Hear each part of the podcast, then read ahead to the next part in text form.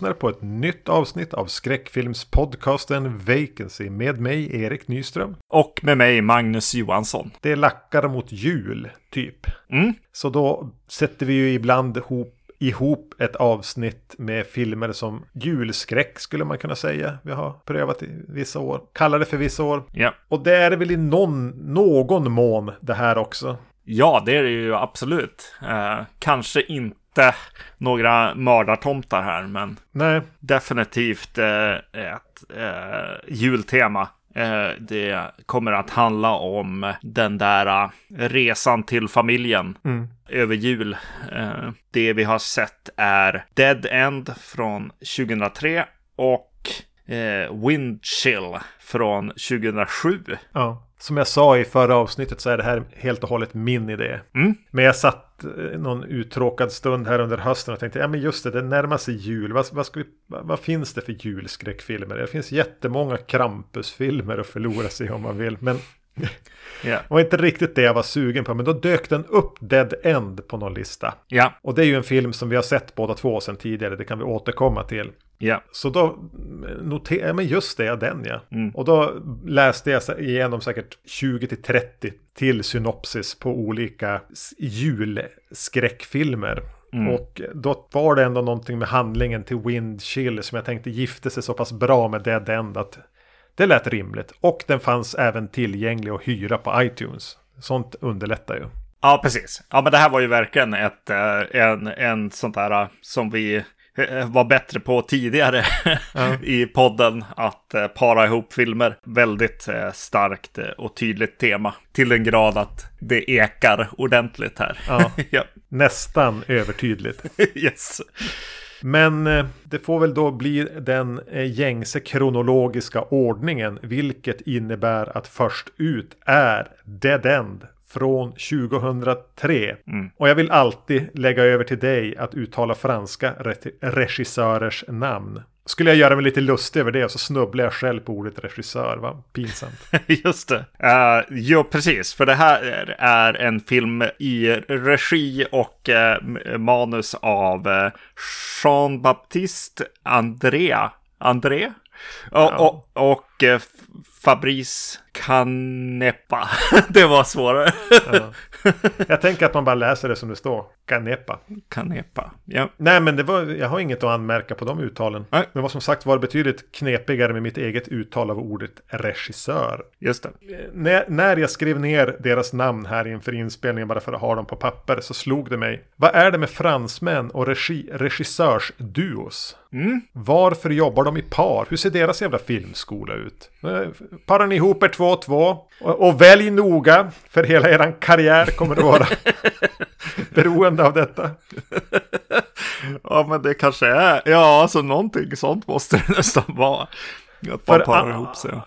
Am, Amer, de är väl fransmän. Det är en Ja. duo. Det här är en duo. Ja, De som gjorde Inside är en duo. ja. Aja är ju i princip en duo. Mm. Eh, har varit i alla fall med han Kalfon. Ja, Finns säkert fler exempel också. Det är lite för många exempel på franska skräckregissörsduos på 2000-talet för att man inte ska tänka att det måste finnas en förklaring. ja exakt. Som våra lyssnare kan ge oss i kommentarsfältet på detta avsnitt. Yes. Men, men- de här Andrea och Canepa var verkligen, alltså de kommer från ingenstans, gjorde den här, gjorde någon film till som försvann och sen försvann de. Ja, yes. Fortfarande relativt unga, eller de är väl i våran ålder ungefär, kanske något år äldre, men det, det tog aldrig fart. Nej, nej. Det är End handlar om en familj på väg till, är det mormor för att fira jul? Bestående av mamma, pappa, tonårig son och en eh, kanske tidiga 20-årsåldern dotter med hennes pojkvän. Precis. De eh, verkar åka vilse när de ska ta en genväg. Precis. Och eh, den här filmen är ju en fransk film. Eh, men eh, skådisarna och så är, är Hollywood-skådisar. Så den är väl någon slags samproduktion. Utspelas ju väldigt tydligt i USA också. Just det, precis. precis. Ja, men det, det, känns som att den ska, ska direkt in i sin film här. Ja, ja. Den, den här filmen, väldigt direkt på. Eh, De ska till julfirandet, alla är trötta i bilen och de kör nästan på en bil och eh, måste stanna i natten där. Eh, och så sen så börjar vi. Mm. Ja, den tar verkligen ingen tid på att visa någon så här gnällig packning eller att de ska hämta upp någon utanför eh, college eller att någon är sen eller sådär. Eller att de stannar på en mack. Och, utan det, de sitter i bilen alla fem från det att vi börjar. Och där är vi. Precis. Och Uh... det är ju väldigt intressant. Alltså det är ju eh, precis, de är och kör med väldigt immiga rutor som det har så här runnit rakt ner några, några så här vattenrinningar eh, som mm. inte, inte blir påverkade av farten alls. Nej. Utan eh, det här är ju, vad är det som John Carpenter brukar kalla det, ja, eh, poor man's process. Mm. När man egentligen bara sitter i garaget. släcker ner lamporna. släcker lamporna och så sen får någon vifta lite med handen framför, framför några eh, lampor för att eh, få till en fartkänsla. Ja. Det är väldigt väldigt mycket bara in, in i bilen och eh, ja, börja dramat på något sätt. Väldigt lit, liten film. Jag tycker att det är ganska snyggt ändå. Ja, alltså, jo, jo, jo. Snyggt George Carpenter-eskt eh, Poor Man Process. Ja, med, precis. Med... Jo, någonting extra är det ju. Det är ju något som är projicerat eller någonting där utanför. Och ganska mysigt att den är så liten. Eh, alltså det är en, det är en konceptfilm mm. eh, att vi ska vara här inne. Ha, hade den här kommit idag så hade den kommit direkt till Netflix. Det här hade varit en typisk Netflix-skräck. Mm. Och förmodligen varit sämre Eh, om den hade gjorts. Just för att den då hade haft Netflix-looken. Den här har ändå i sin enkelhet en Lofi cinematisk look tycker jag. Yeah. Både när de är i det här, det, det, det, mörka är väldigt mörkt. De är, ja vi vet att de inte sitter i en verklig bil men det, man köper det. Och sen har de de här, eh, eh hel, man skulle, hade det varit nu hade vi sagt drönarfotot. Men det fanns, man körde inte drönare 2003. Då var det väl kanske eh, om det är miniatyrer eller är det datoranimerat. Ja. Jag vet inte, men det är ganska snyggt också. Bara på en bild ovanför skog och man ser den här bilen på en ödslig skogsväg köra. Ja, precis. Just hur ödslig den är. De mm. har dragit upp den extra högt i, i skyn på något sätt. Bara för att se att skogen tar aldrig slut. Eh, och det finns bara den här eh, vägen. Så mm. det blir ju extra öd, ödsligt på något sätt. Det gäller ju med de här extremt förkrympta premissen och skådeplatsen. Så att hålla det intressant och samtidigt naturligt då är en ganska stor utmaning. Mm. Att det inte bara ska börja kännas som att man börjar kasta saker på rutan så att säga. För, att, för att det ska hända något. Och det kan vi, väl, kan vi väl ta med oss då, om den lyckas med det. Exakt. Ja, alltså jag kan väl hoppa, hoppa in i vad mina förväntningar var eh, mm. från på att se den igen. Och det var att första gången vi såg den här, tror jag. Jag är ganska säker på att vi såg den här tillsammans första gången. Precis. Så fanns det ett eh, ja, men lite så här uh, obehag. Det bygg, byggdes upp någonting mm. och det kändes mm. lite, lite off. Eh, man kunde inte riktigt förvänta sig vad som skulle hända. Och det blev en liten sån där, uh, alltså då som shrooms är för mig. Ja. uh, någonting som bara, ja men den där var ju rätt, den där var rätt bra alltså. Den där ja. kan jag nog se om liksom. Exakt mina minnen av den också. Mm. Den hade nog växt helt klart i, mitt, i min eh, vy på något sätt. För jag blev lite förvånad att den var så liten. Eh, och så sen hur, hur man kommer in i den här familjen på något sätt. Att det är mycket så här, det är mycket bögskämt med den här syrrans pojkvän och grejer. Alltså tonårssonen är, blir ju störig. Ja. Alltså han, han spelas väl av någon som kanske är 21. Men mm. han spelar ju kanske någon som ska föreställa vara 17. Men han beter sig som en 13-åring. Han, ja. han är väldigt svår att acceptera som en karaktär för att han är så skev. Ja. Bögskämt. Han hinner med, till och med med att ta fram en porrtidning när de stannar och är vilse. alltså, så jag bara, ja men jag ska bara gå, eh, gå iväg en stund och så går han ut i skogen och, och sätter upp eh, en, en, en affisch i princip på, ja. på en, eh, ett träd och eh, runkar där i skogen. Ja. Väldigt ja, var, märkligt. ja, svårt att riktigt köpa. Och det är väldigt mycket så här, familjeirritation som framförallt i början som är lite bara pålagd. Mm. Jo men precis, de här små, alltså som att han var en, po en pojke på något sätt och det var det som var fast vuxen då. Det är väldigt den där, när är vi framme? kan vi stanna? Jag behöver runka. Mm. det, det, är ingen som har sagt förut, men helt plötsligt här i den franska skogen så, så är det något som händer liksom. Ja. Nej men för att komma tillbaka lite grann till förväntningarna som du mm. hade så var det lite samma sak för mig. Att jag, den hade nog växt i mitt medvetande. Eller så är det det att den, eh, jag mindes ju ungefär vart den skulle. Mm. Att det här är en film som vid första titeln är betydligt starkare än vid andra titeln. Ja. För, för jag tycker någonstans ändå att den kommer åt någonting, det här lite osäkra, otrygga. Ja. Vad som helst kan hända när som helst. Som ju är det man egentligen vill komma åt i skräck. Ja. Att man som, som tittare verkligen är där med dem och man, man vet in, va, inte vad fan det är som händer. Mm. Och vad som ska vara nästa steg. När man har sett den en gång, en andra titt så försvinner den där, den eh, nyansen av den som gör att den kanske halkar ner några, några, några steg. Mm. Och det blir mer att titta på den mer tekniskt. Ja, precis. Jo, men den har ju mycket ingredienser och de har ju hela tiden den här grejen med att de gör konstiga val. Gå inte ut ur bilen eller släpp inte in den här kvinnan som de hittar i skogen.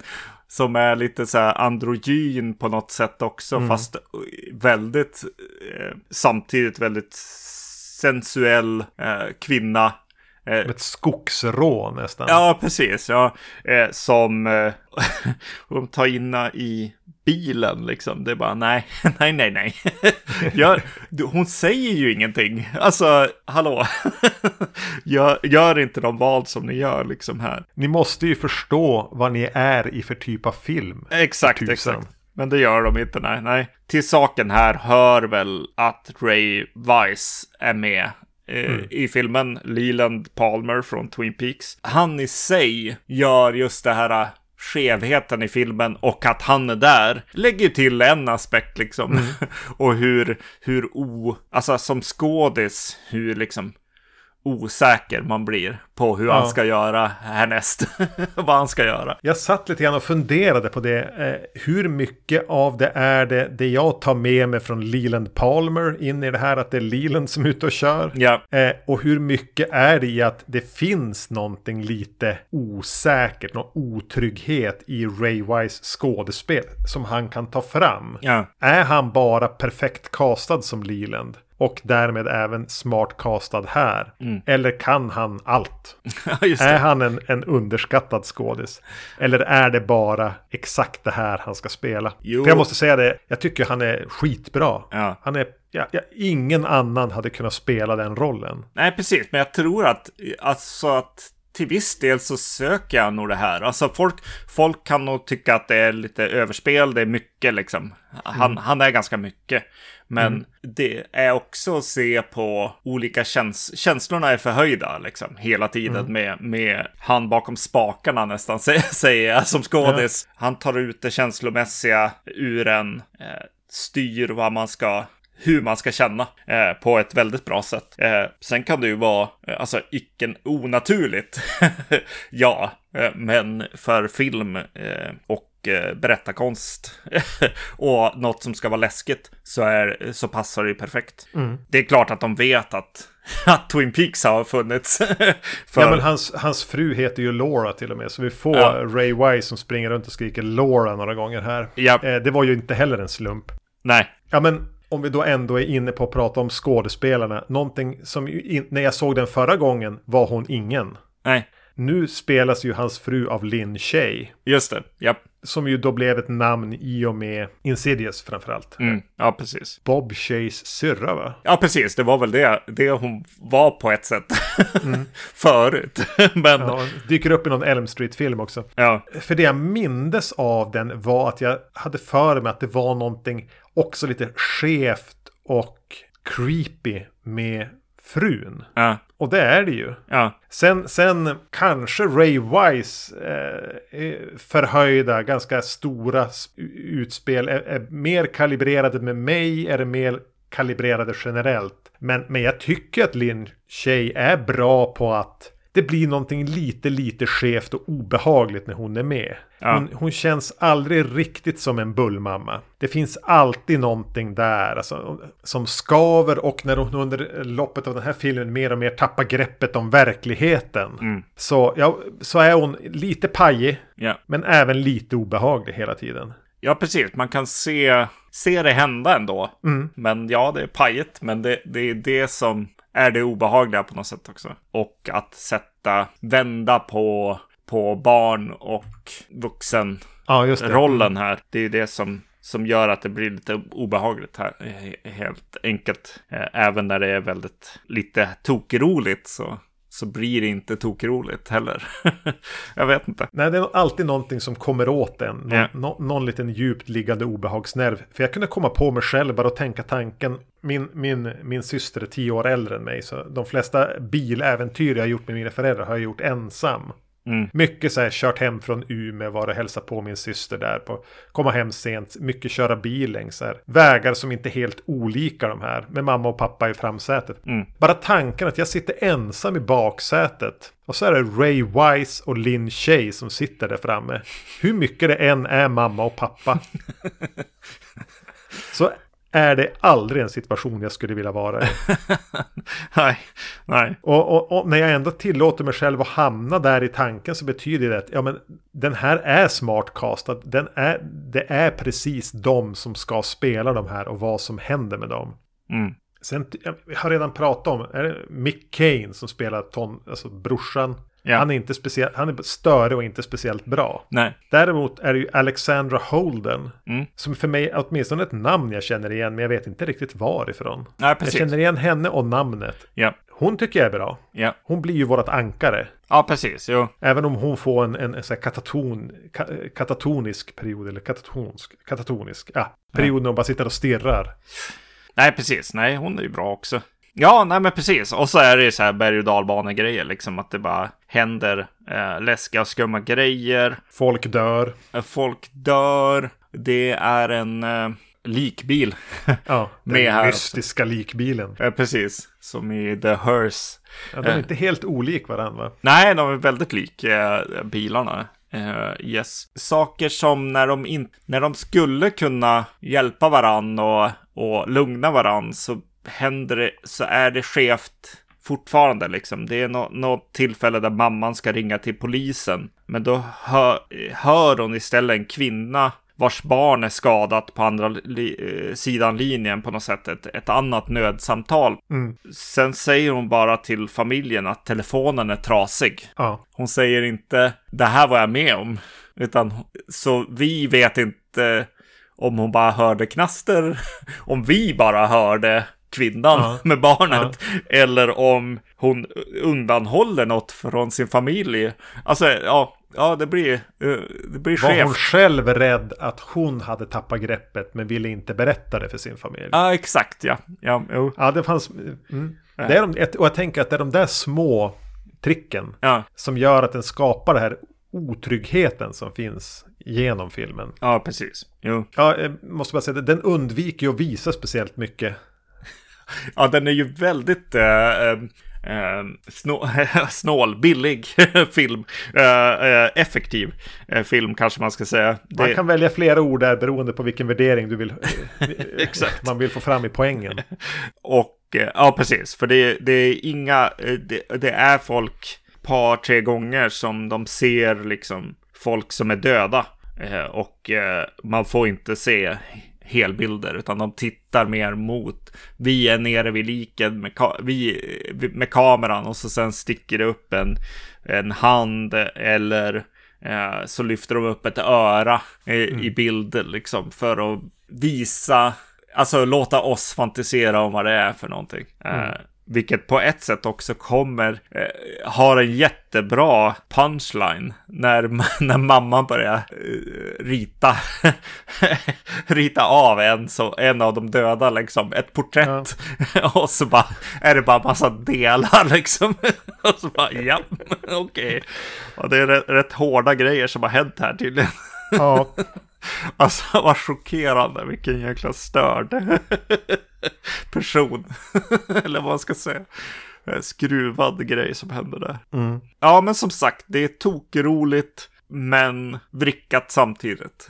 Så det blir, blir som bara vrickat. Ja, det är nog ordet. Jag slängde fram lite den här frågan. Lyckas den hålla det intressant och naturligt genom, genom hela filmen trots när den är så begränsad och liten? Och jag vill väl bara säga att jag tycker den klarar av det ganska bra. Även alltså att den försöker hela tiden servera oss saker om karaktärerna.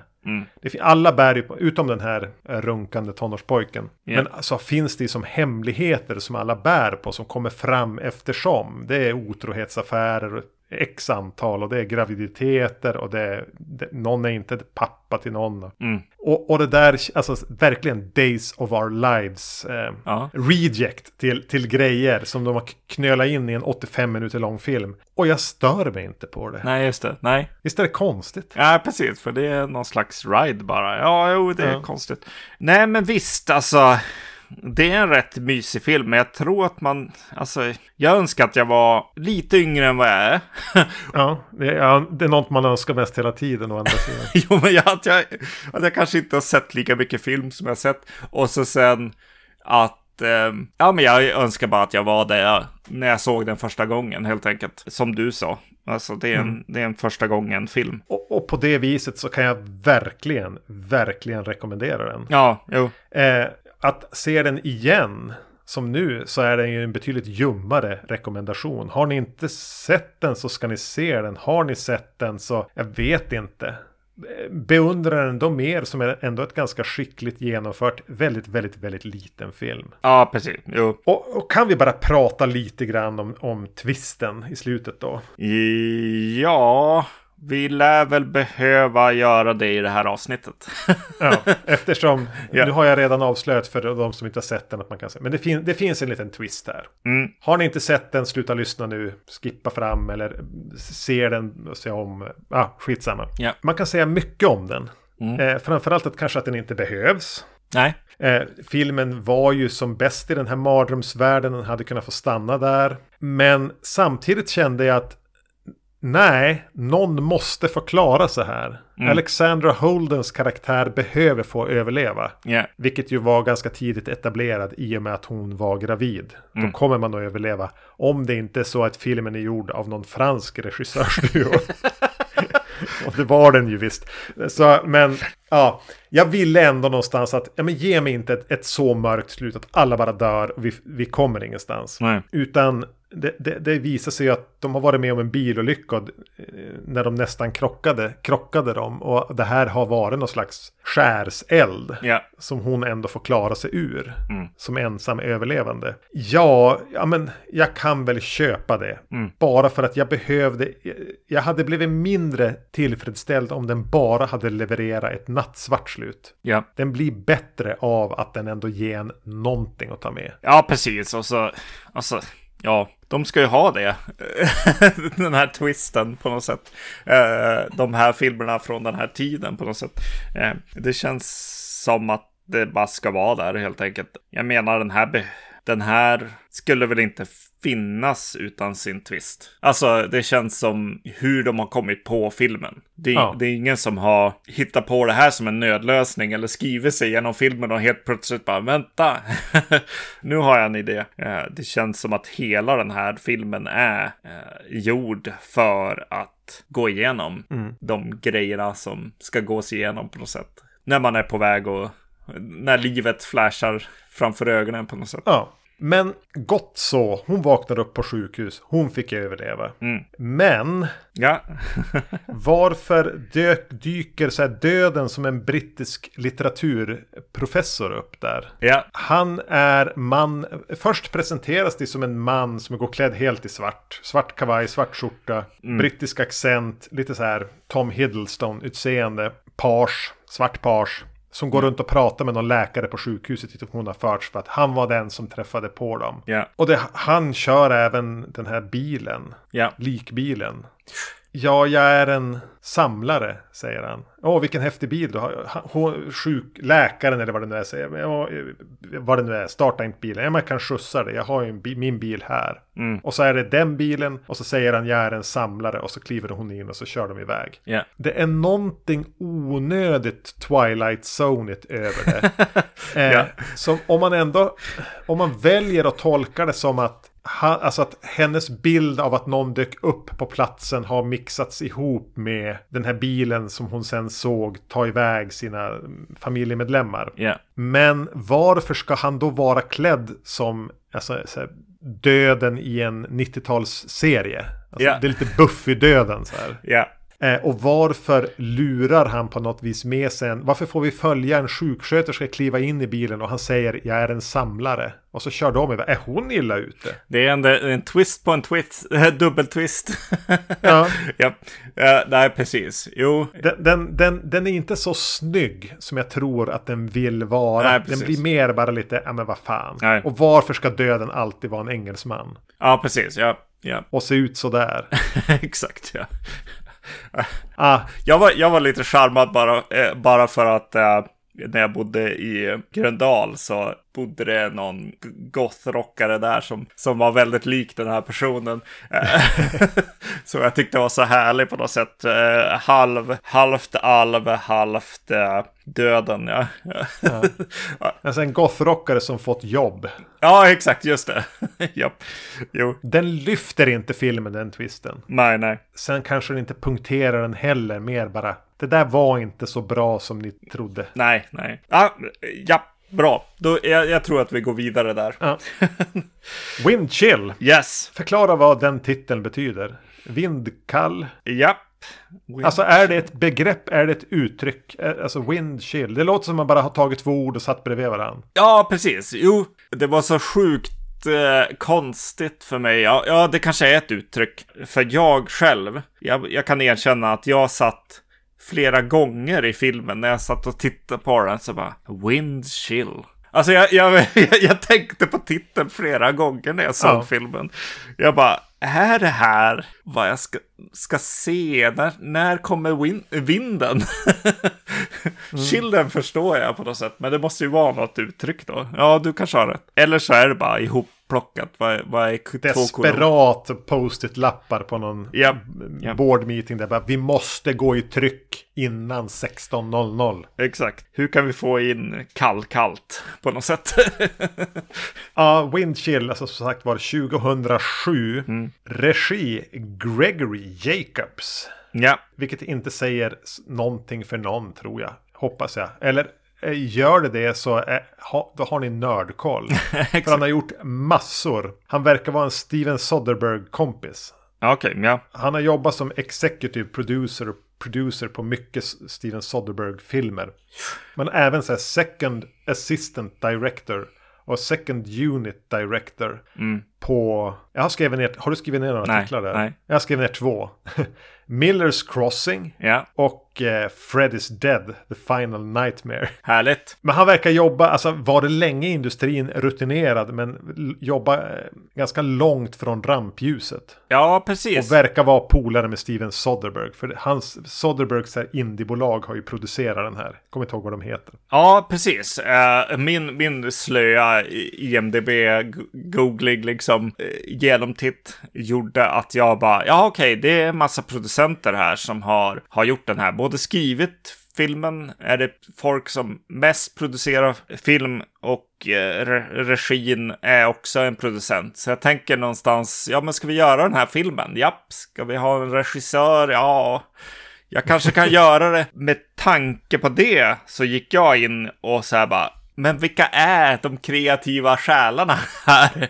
Och eh, djupdök lite grann. Så jag tänker göra shoutouts för, för två andra, mer kanske mer kända som de kreativa eh, själarna. Det är musiken eh, är komponerad av Darren Ar- Aronofskys kompositör Clint Mansell, eh, som ju har gjort eh, det mesta han har gjort. Eh, Requiem for a Dream bland annat då, som väl har den mest kända trailermusiken någonsin. Ja. Och eh, fotot står Guillermo del Toros fotograf Dan, eh, nej, Dan Lausten, eh, dansk person som har fotogra eh, fotograferat massa av del Toros eh, filmer, Crimson Peak bland annat.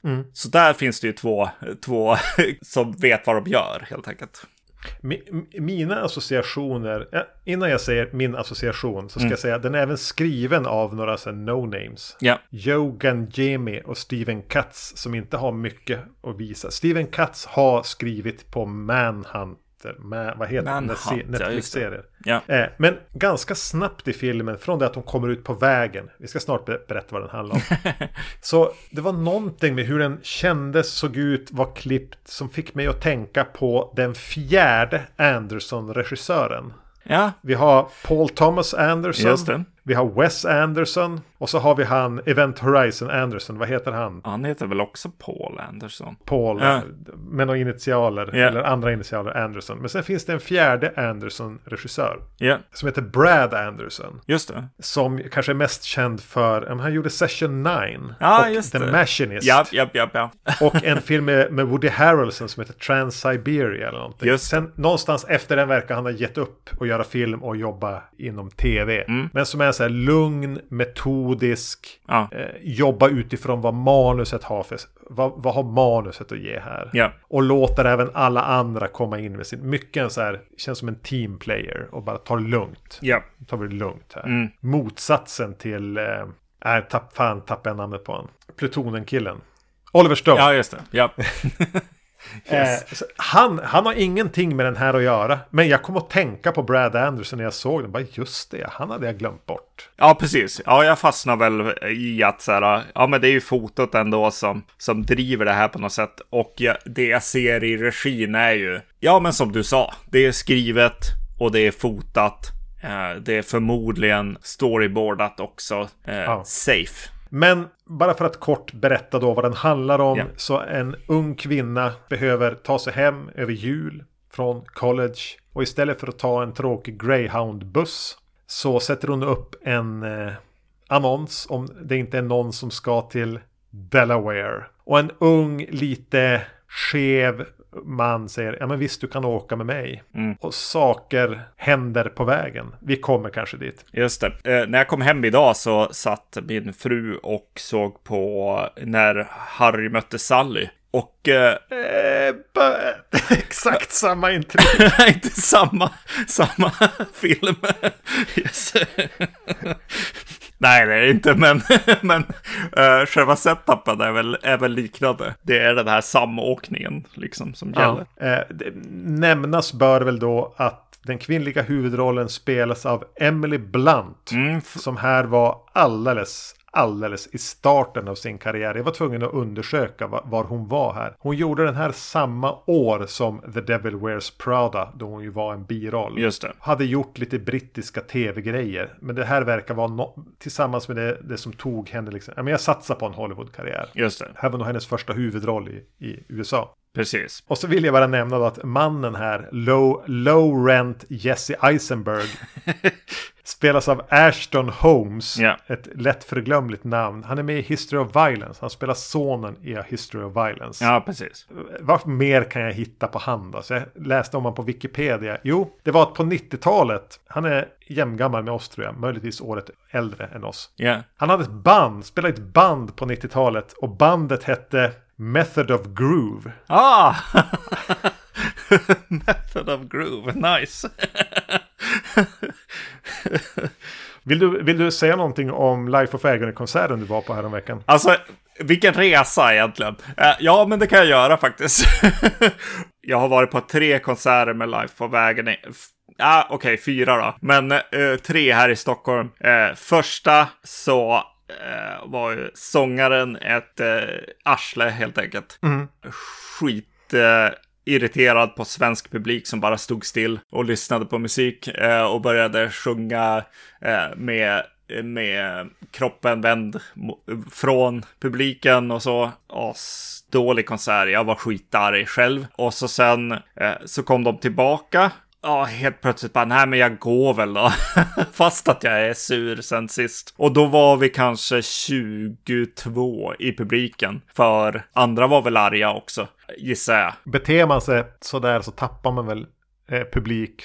Särskilt med tanke på att man inte gett ut en skiva på, vadå, 25 år. Ja, och, och jag menar, då, då var ju mina känslor mer med så här bara, oj vad pinsamt, vad jobbigt för bandet. Eh, men det var ju inte jättekul heller. Och så nu när de eh, kommer tillbaks en gång till och spelar River Runs Red, hela albumet och några andra låtar också sen, så är publiken så på på. Eh, och eh, dansar, har och springer runt, har en sån här vad heter det? När man springer runt, en morspit, eh, precis som de vill ha det. mm. och eh, eh, bandet är hur bra som helst. Nya trummisen är ju fantastisk också. Ja, det var helvändning. det var en av de bättre konserterna som jag varit på.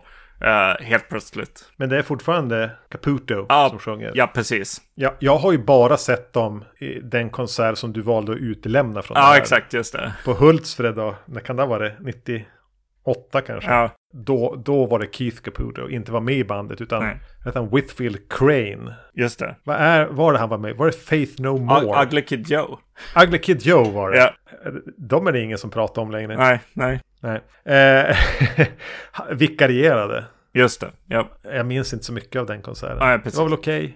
Jag minns att, att eh, micken, för då sjunger ju typ flera på Method of Groove, att micken glappade så här. Det var bara var tyst när typ basisten skulle sjunga sina rader. Ja, okej, okay, just det. Nej, men eh, Nej, vilken vändning. Vad rolig resa. Eh, och eh, vad skulle jag säga mer? Ja, eh, Life of Agony är ett band som jag lyssnade på väldigt mycket när jag var, var yngre. Jag med. Eh, och som faktiskt dyker upp ibland. Särskilt när man är lite lite sur på jobbet eller så. så bara, ja. Sur och känner sig utanför. Ja, exakt. När ingen förstår en.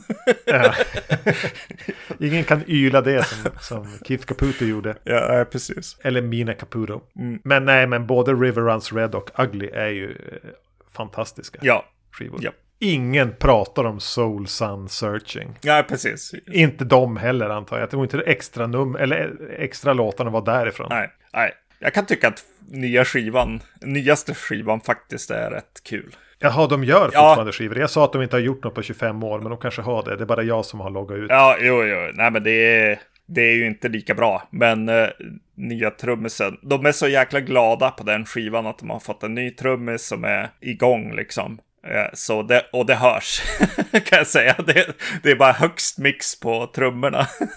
men var inte trummisen i Life of Agony, alltså Sal Abruscato, som ja. även trummade i Typo Negative? Ja, precis. Japp, japp. Men han var inte bra alltså? Jo, jo, jo, men uh, jo. Och nya är väldigt bra också. lite, lite kul bara, mest. Alltså så här showig, vilket jag gillar. Showiga trummisar med så här trickiga ja. så här, ja. trumpinnarna över huvudet. Ja, men åter till Wind Chill. Ja, ja, ja vi, det är inte så att vi pratar om Life of Agony och Brad Anderson och grejer bara för att vi inte har något att säga om den. Utan vi, vi, vi, vi dyker in i detta. Mm. Som sagt var, Emily Blunt tar lift med Ashton Holmes i ett eh, vintrigt, vart de nu är. Men de ska till Delaware i alla fall. Mm. Och ja, konstiga saker börjar hända, I guess. Och ja. eh, det känns det är nog för att jag kollade IMDB innan så blev jag så här, ja men det här kommer vara folk som har tänkt igenom och varit lite så här analytiska och satt post-it-lapparna i rätt ordning på något sätt och ganska safe liksom. Ja, och jag tycker mm. att jag ser det i fotona när hon går omkring där på campus. Och sen då när vi hamnar i bilen och de ska börja berätta om sig själva och så, så bara så blir det verkligen bara, jaha okej, okay, de har gjort dem till så här filosofi majors så att de kan prata om så här efterlivet och återfödelse och, och sånt. Det, det, det, kommer vara en av de där filmerna där som Urban Legend, ja. där det bara Oj, allt, allt handlar om Urban Legends på den här skolan helt plötsligt. jag, ska, jag ska säga det att jag himlade ganska rejält med ögonen när han... För, ja, men det är inte... Hon har ju bara läst filosofi för att det är ett lätt att få poäng. Ja. Han är ju filosofinörden. Just det. Men han berättar, jo men jag skrev en thesis om, om Nietzsches teori om bla bla bla. Mm. Att, att vi bara är dömda att återupprepa samma liv om och om igen. Och jag bara, säg inte att han just förklarade intrig. Ja. Nej, vi får hoppas det. Vi hoppas att det inte var så. Japp. Men, men, ja, de är i bilen. Ja. Jag kan tycka om, jag ska ändå vara positiv här, att jag tycker att det. Nej, de fick inte Jesse Eisenberg som de kanske hade velat ha i rollen. Nej. Men jag tycker om, de gör bra med sina roller. Ja. Han är kanske li- lite kufigare, töntigare, men ändå tillräckligt snygga killen. Mm. Hon är mer eh, ta sig igenom college kanske. Där, där, där, där. Bryr sig inte så mycket om han utan för henne är han bara en billig biljett hem. Mm. Medan han kanske tänker att oh, nu får jag vara med den här coola tjejen. Mm. Och sättet han får vara, man blir hela tiden osäker på hans intentioner. Vad, vad har han med någonting att göra? Ja. Eh, hon får inledningsvis vara rejält osympatisk. Ja, eh, verkligen. Och jag, jag måste säga att Emily Blunt var eh, grym på att spela osympatisk på precis rätt våglängd. Ja. Eh, att det är jättesvårt att tycka om henne. Men man är heller inte speciellt bekan- be- bekväm med, med, med honom. Nej. Utan det här är jag ändå lite intresserad. Mm. Vad ska hända? Ja. Kommer det här vara liksom att hon är fastspänd i en säng i slutändan? Och, eh, som han, där han har kidnappat henne? Eller vart ska vi? Jag visste inte. Nej. Och under första tredjedelen var det en ganska behaglig känsla av att vi får väl se. Mm. Ja, men jag, jag har redan nämnt, eh, jag nämner väl igen. Jag tycker att den är rätt snyggt fotad. Jag gillar macken med så här kameraåkningar och, och det här berget i bakgrunden. Det är härligt att vara eh, från mot för Dead End, faktiskt vara på en väg. Ja, Att de lägger räls för kameran och så där. Det känns lyxigare och dyrare, eh, helt klart. Håller med. Mm. Men tänkte du på hur febrilt de har skottat ihop snö för att lägga på välvalda platser? Ja, nej, nej, det var roligt. Det här, när de stannar för att tanka så man vet ju hur det ser ut. Alltså tank, eh, bensin, alltså, de står ju som på en liten ö då, och så går det att köra bilar på båda sidor. Mm. Och mitt på den, mot den där har de som valt att göra en snödriva. Ja, Det är ju inte där man lägger en snödriva. Man skottar ju bort den från där bilarna kör. Men här hade de bara skottat ihop den snö de hade kunnat hitta. ja, För att göra en snöhög för att skapa en känsla av snö. Det är även så lite grann på campus när de går runt. att mm, Finns det en stolpe av något slag, en pelare av någonting, då har de bara kastat snö mot den som att någon har gjort små snöhögar överallt. Alltså det, det jag, vill inte säga, jag vill inte använda det som kritik, för jag, jag kan som bara tycka att det, för det är ju riktig snö åtminstone. Ja. Ni har ju varit där, ni har lagt räls. Den, den känns ju, om man då återigen ska tänka att det här hade också kunnat vara en Netflix-skräck, Mm. så känns ju den här ändå, har ju cinematiska kvaliteter. Ja. Att de har ju varit ute i snön här Mm. i mångt och mycket. Just det. Ja, det påminner om, om eh, eh, höstlöven i Halloween på något sätt. Ja.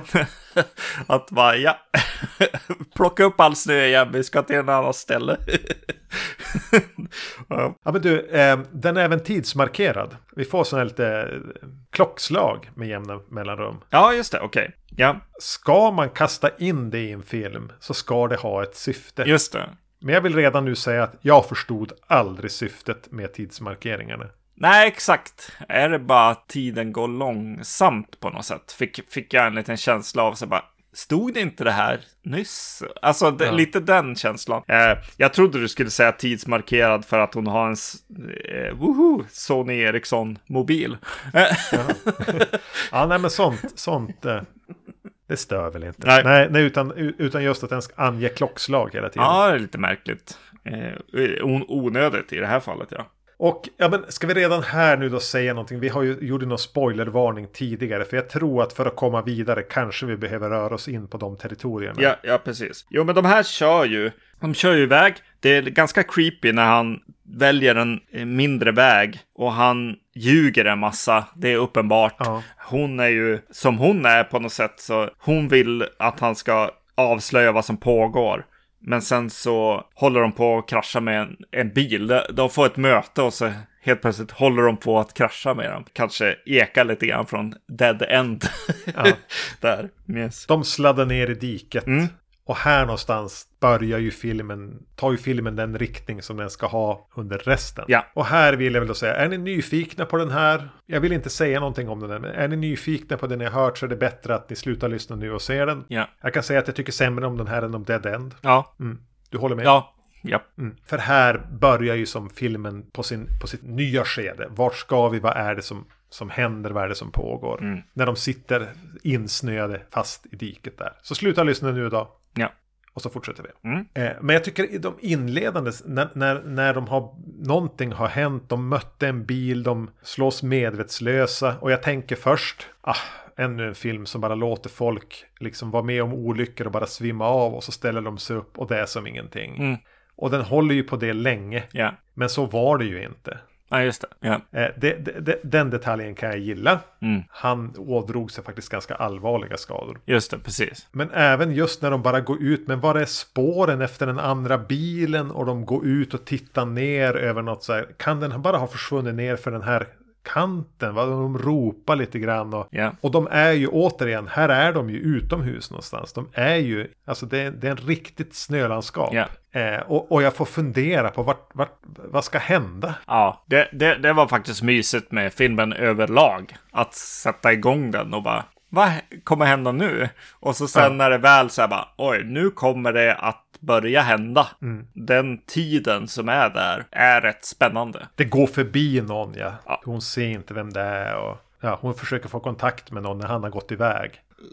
Ja, precis, när det går förbi någon och hon håller på att tejpa för fönstret eller vad det är. Ja. Och så bara, oj, vad fan händer nu? Eh, det är ju snyggt, alltså det är ju det är snyggt filmat, det är snyggt eh, planerat.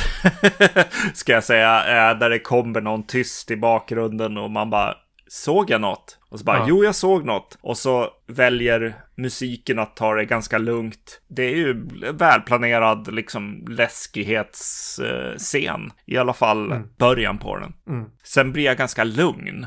Konstigt nog. Jag, jag går inte upp i skräcknivå. Men den börjar väldigt spännande. Som vissa scener i, vad heter den? Eh, Just before dawn. Har någon sån där bra smyg i bakgrunden. ja, just det. uh, urfokus-scen. Som funkar väldigt bra. Den, den här funkar bra ett, ett tag. Sen, ja, jag vet inte. Ja, jag undrar lite grann hur långt det är den tar sig innan Ja. den faller över klippan. Det är väl mest egentligen att det inte, alltså att eh, hon gör sin vändning. Det läskiga som händer är ganska tidigt tydligt att det är någonting som jag inte ska vara så orolig över. Det är mer ett eko eller Ja, någonting. precis. Allt, allt det läskiga i skogen som vi upplever är vänligt inställd till mig. som tittare, eller till henne egentligen också på något sätt. Så det blir, blir inte så farligt. Och det som faktiskt är farligt är mer så här en action spänningshot. Ja, just det. Dräm till det med, med ja vad heter det, byta, byta julgrejen så, så, så händer något. Alltså, Ja, precis. Det, men det känns så här lite mysigt i början att säga bara oh, Cenobiter eller någonting. Alltså det känns som att oh, här, här kommer det bli lite intressant eh, Hellraisery.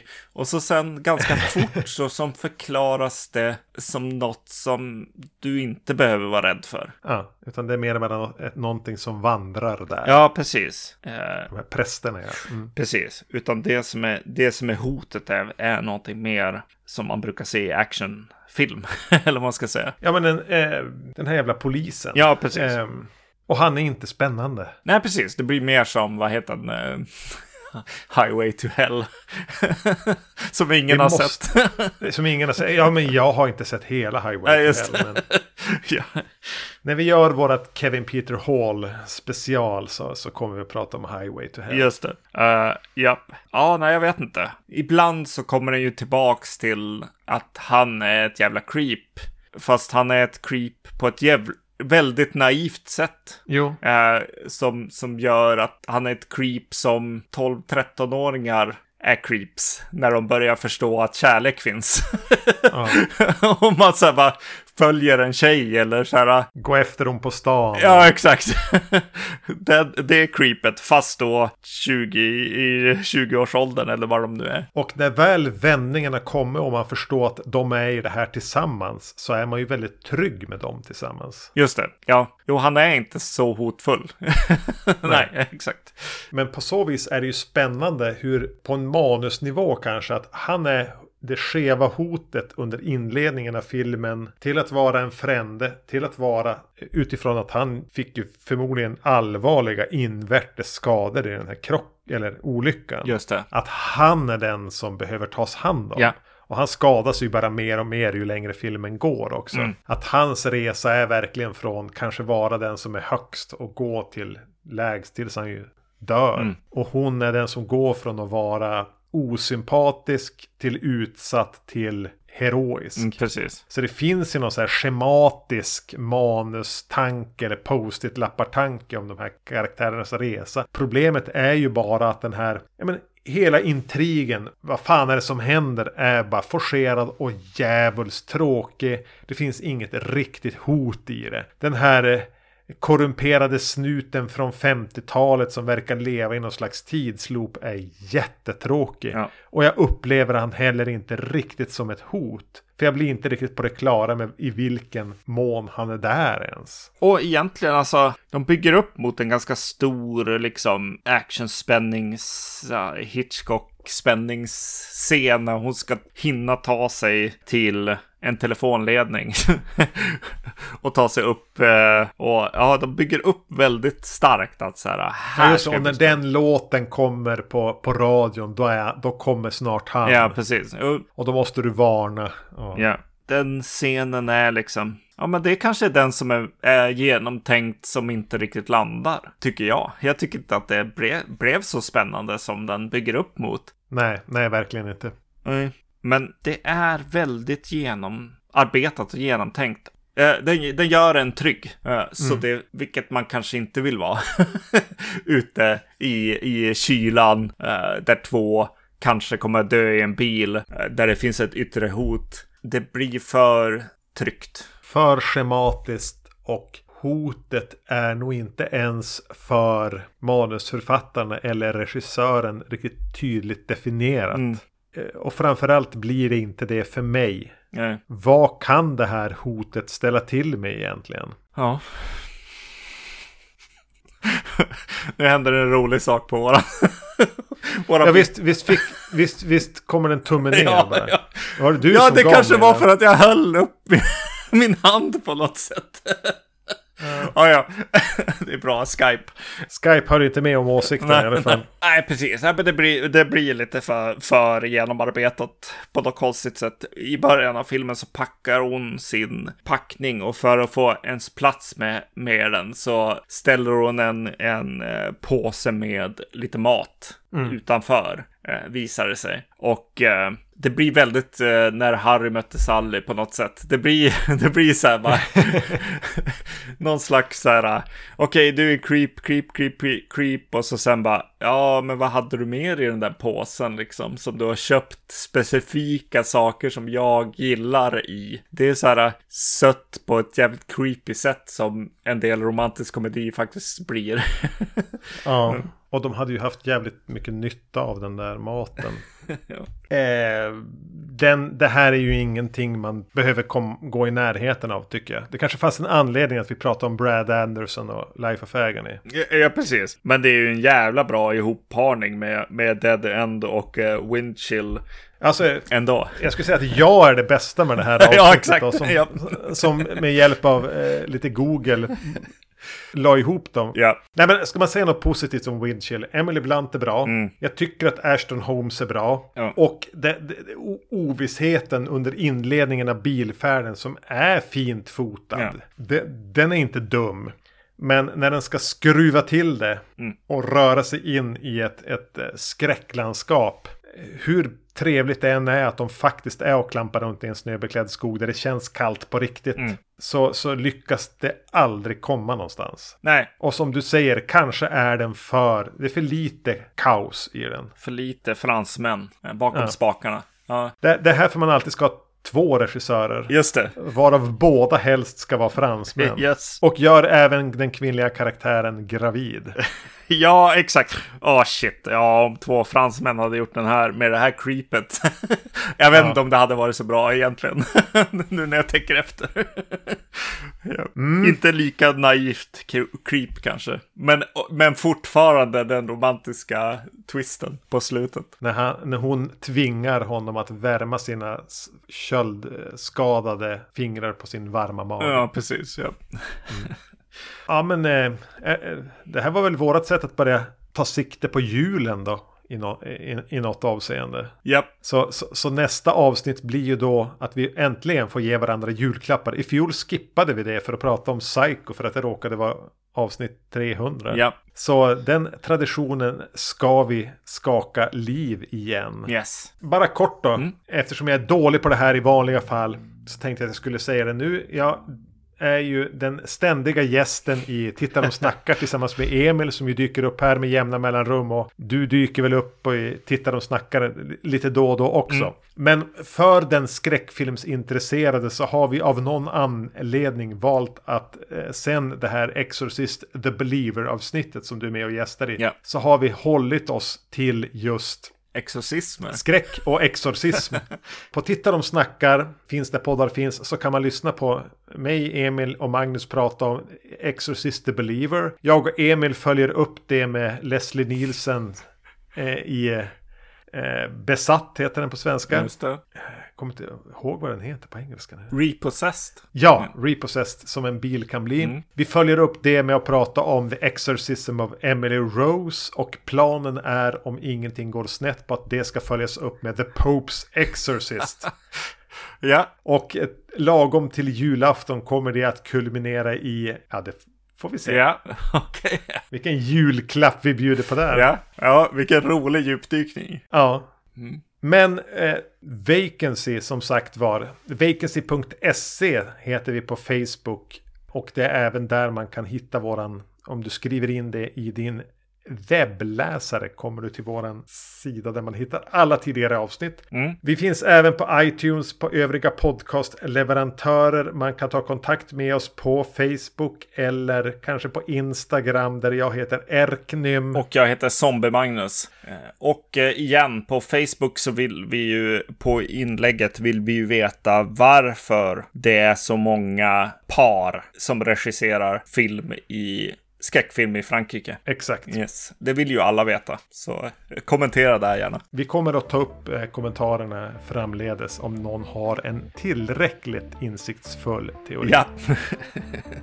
men vi kan väl börja med att säga lite försiktigt god jul. Eh, men eh, framförallt tar vi sikte på julafton då. Yes. Jag vill mm. ha det. Hej.